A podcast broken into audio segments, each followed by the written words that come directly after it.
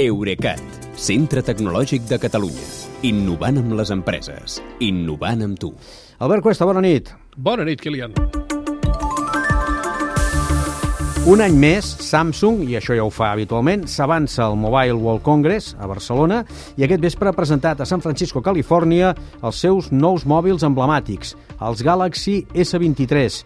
I dic que són nous perquè m'ho dius tu, de fet, perquè jo els veig iguals que els de l'any passat, em sembla, no?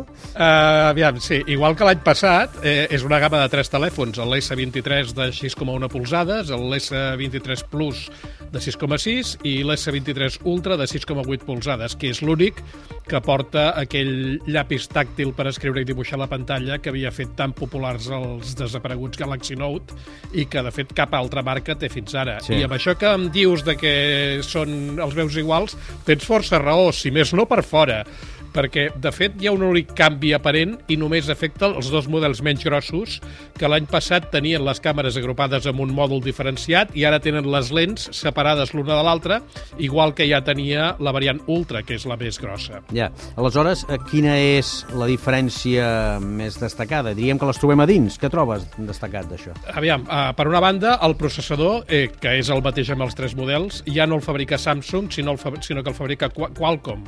I com que és nou, té un 33% més de rendiment en càlcul, això és el que diuen, tot clar, uh, un 44% més en gràfics, que això importa pels videojocs, i gairebé un 50% més en processament d'algoritmes, que això s'ha de notar sobretot amb la fotografia i el vídeo. I, de fet, la imatge e, és l'atribut principal d'aquests nous Galaxy S23 fins al punt que Samsung s'ha passat els primers 20 minuts de la presentació parlant només de les càmeres.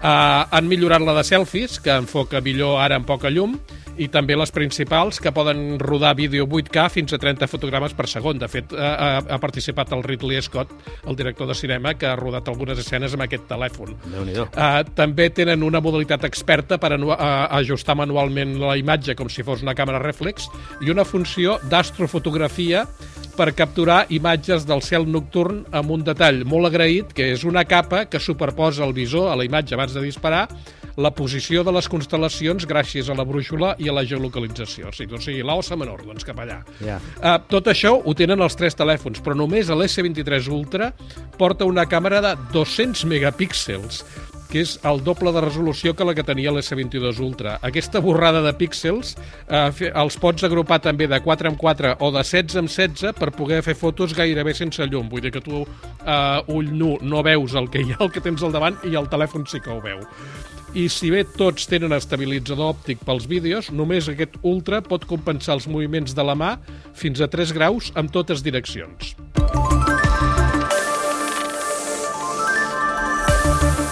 I la bateria? Com els va la bateria?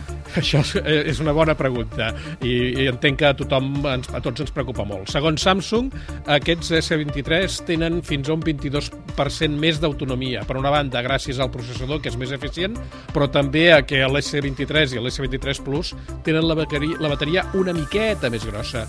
Tots tres són compatibles mm, amb xarxes 5G i amb Wi-Fi 6E, que és la més ràpida fins ara, perquè encara no existeix la Wi-Fi 7, però no n'hi ha cap dels tres que tingui connectivitat via satèl·lit per casos d'emergència, com seria eh, especulat.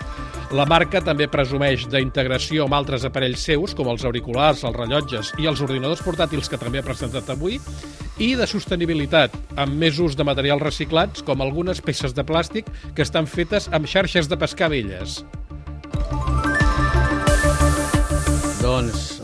Diràs tu el que toqui, però sospito que tota aquesta tecnologia no deu ser pas barata. Uh, no, uh, l'S23 costa a partir de 959 euros, l'S23 Plus comença a 1.209 i l'S23 Ultra a 1.409 euros, però és que s'enfila fins als 1.829 euros amb la variant amb un terabyte de capacitat. No sé, no sé si recordes com ens vam posar quan van començar a vendre telèfons de més de 1.000 euros. Doncs sí. i, ara, I anem cap als 2.000. Sí. Uh, això, aquests preus que et dic, són entre un 12 i un 14% d'increment respecte a les variants bàsiques de l'any passat, amb una trampa, que és que ara ja no, ja no venen Samsung telèfons amb 128 GB, sinó que tots surten amb 250 56 gigabytes o més. I amb aquests preus en vendran gaires? Precisament em deies que l'any passat va ser el que menys smartphones es van vendre al món des del 2013.